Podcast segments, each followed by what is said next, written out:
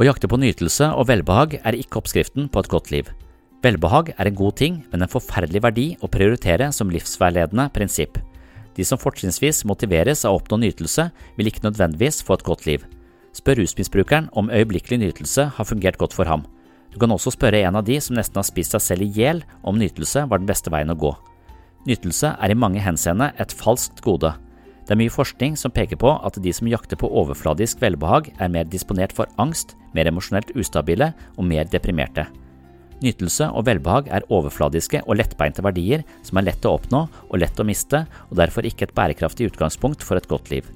Likevel er nytelse noe som markedsføres ganske aggressivt i de fleste kanaler, og det er noe vi tilstreber for å distrahere oss selv fra de problemene vi burde ha løst og konfrontert for å virkelig få et rikere liv som stikker litt dypere.